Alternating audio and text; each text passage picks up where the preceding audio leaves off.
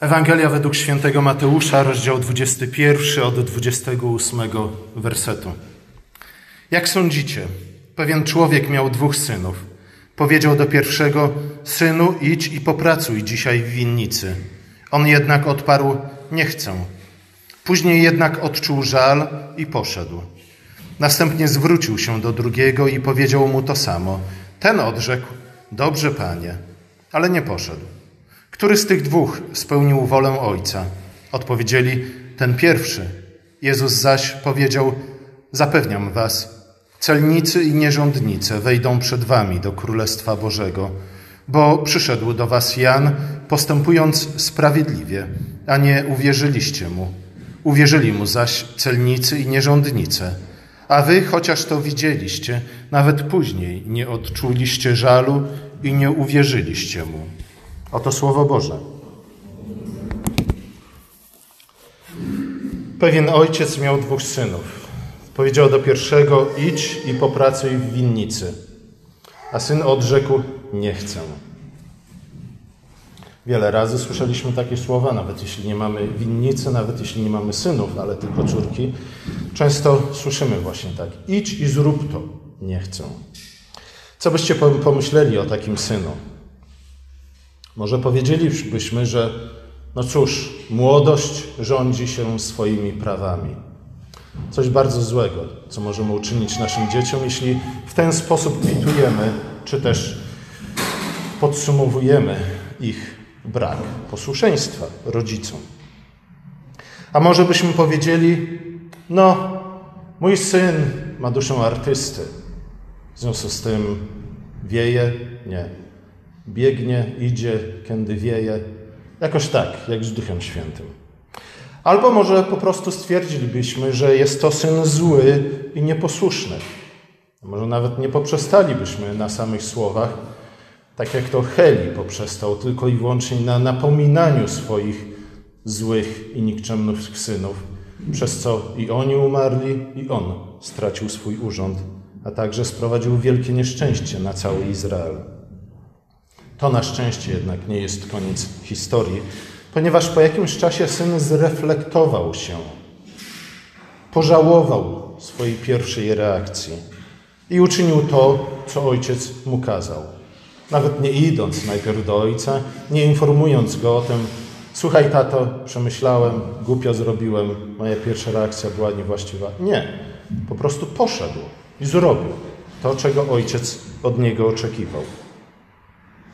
Do drugiego syna ojciec rzekł: Idź i popracuj w winnicy. I ten odpowiedział: Ależ oczywiście, tatusiu. A raczej powiedział: Tak jest, panie. Nie? Szacunek, pełny szacunek, pełny respekt.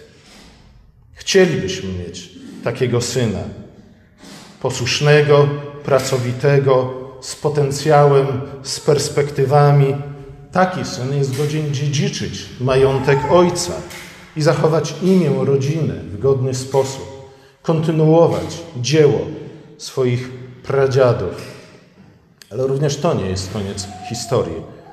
Syn oczywiście wiedział, jak ma odpowiedzieć, wiedział, jak ma zareagować, żeby ojciec po prostu zostawił go w spokoju. Nie? Tak często dzieci robią. Tak my robiliśmy, będąc dziećmi. Tak, tak, już idę. Zaraz. Nie? Oczywiście mając cały czas w głębokim poważaniu to, co rodzice do nas mówią i ich samych w związku z tym. Przy pomocy gadki, szmatki, ten drugi syn zamydlił ojcu oczy i uważał się pewnie z tego powodu za człowieka co najmniej, co najmniej sprytnego, jeśli nie wręcz inteligentnego a może nawet za prawdziwego intelektualistę. Bo czym tak naprawdę intelektualiści się zajmują, jeśli nie mydleniem ludzi oczu? Pięknymi słowami. Nie? Już Sokrates powiedział: Chłopaki, nie wierzcie poetom. Dzisiaj byśmy powiedzieli: nie wierzcie piosenkarzom. Ze względu na to, że oni uważają, że ponieważ mają język giętki, potrafią mydlić ludziom oczy, dlatego pozjadali wszystkie rozumy, są autorytetami moralnymi i wszyscy powinni ich słuchać i mówić na ich słowa tak i amen. Skoro Sokrates, poganin, rozpoznał, kim są poeci i śpiewacy, i muzycy, i piosenkarze, e, tak zwani intelektualiści.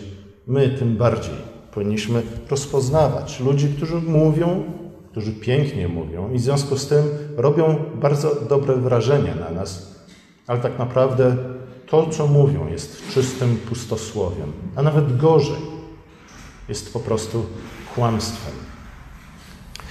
Po opowiedzeniu tej przypowieści Jezus zapytał, który z tych dwóch synów spełnił wolę Ojca.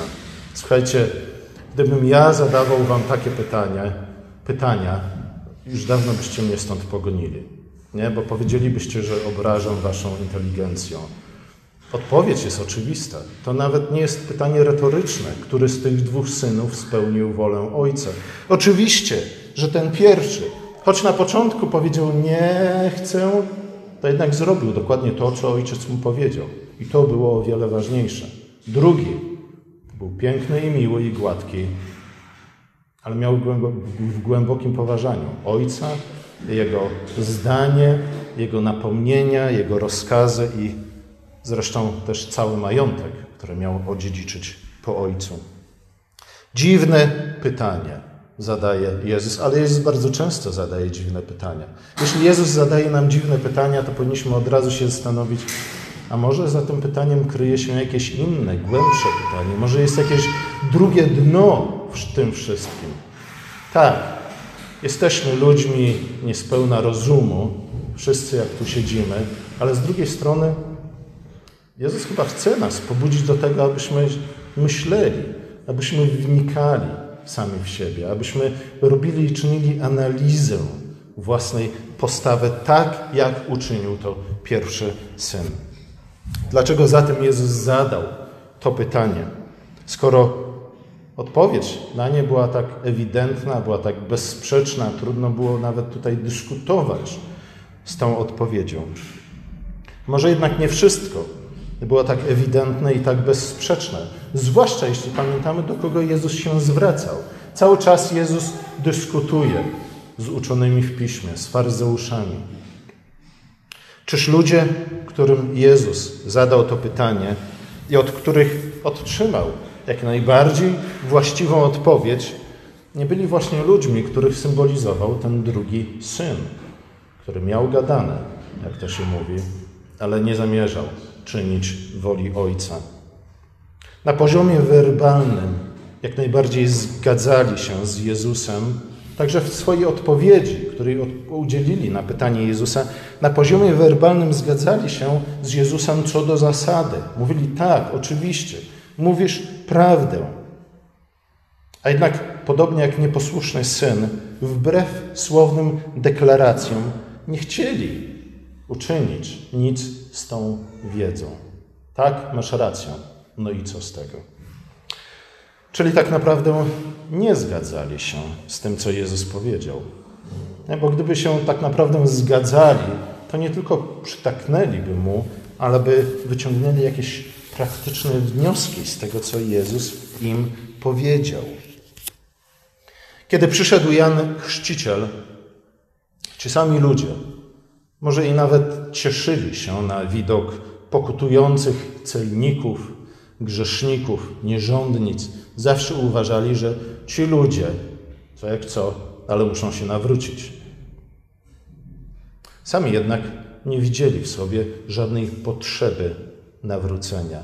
I tak w Ewangeliach właśnie ci uczeni w piśmie, faryzeusze, kapłani stają się symbolem tego, czym jest ten drugi syn. Tak, tak, Panie, ale nie mam zamiaru zrobić to, co mi każesz. Innymi słowy, ta odpowiedź tak, tak, Panie oznacza tylko jedno: daj mi święty spokój. Inaczej było z celnikami, z grzesznikami, z nierządnicami. Oni nie tylko wiedzieli, że potrzebują pokuty, ponieważ byli jak ten pierwszy syn. Z początku nie chcieli czynić woli Ojca ale pod wpływem kazania Janowego żałowali szczerze, serdecznie, prawdziwie, żałowali swoich złych uczynków, żałowali swojej pierwszej odpowiedzi, żałowali tego, że nie okazali żadnego szacunku Ojcu. Nawrócili się i zaczęli wydawać owoce godne upamiętania, czyli dobre uczynki. Przy czym zwrócił uwagę na kolejność. Nawrócili się i zaczęli wydawać dobre uczynki. Zawsze tak jest w biblijnej religii. Najpierw łaska zbawienia, a później jej owoce. Ta historia po raz kolejny przypomina nam, iż wiara bez uczynków jest martwa, jak mówi Jakub. Nawrócenie, słowa deklaracji, czy też deklaracje słowne, Panie, Panie, tak, tak, bez zmiany w postawie nic nie są warte. Wiara zbawcza jest zawsze wiarą, która jest czynna w miłości. Kochać Boga to znaczy kochać bliźniego, a kochać bliźniego to znaczy przestrzegać Jego przykazań. Jeśli mówimy, że wierzymy w Boga i kochamy Go, ale jednocześnie nie miłujemy naszego bliźniego, jesteśmy kłamcami i z Boga czynimy kłamcą. Zatem można być człowiekiem bardzo religijnym, można nawet być pastorem, tudzież księdzem, ale jeśli nie ma się miłości, jak mówi Paweł, jest się absolutnie niczym. Można być teologiem, można być liderem grupy uwielbieniowej, ale bez posłuszeństwa przekazaniom Bożym jest się niczym. Można mieć nawet szczere chęci i wielki zapał do obrony prawd wiary chrześcijańskiej.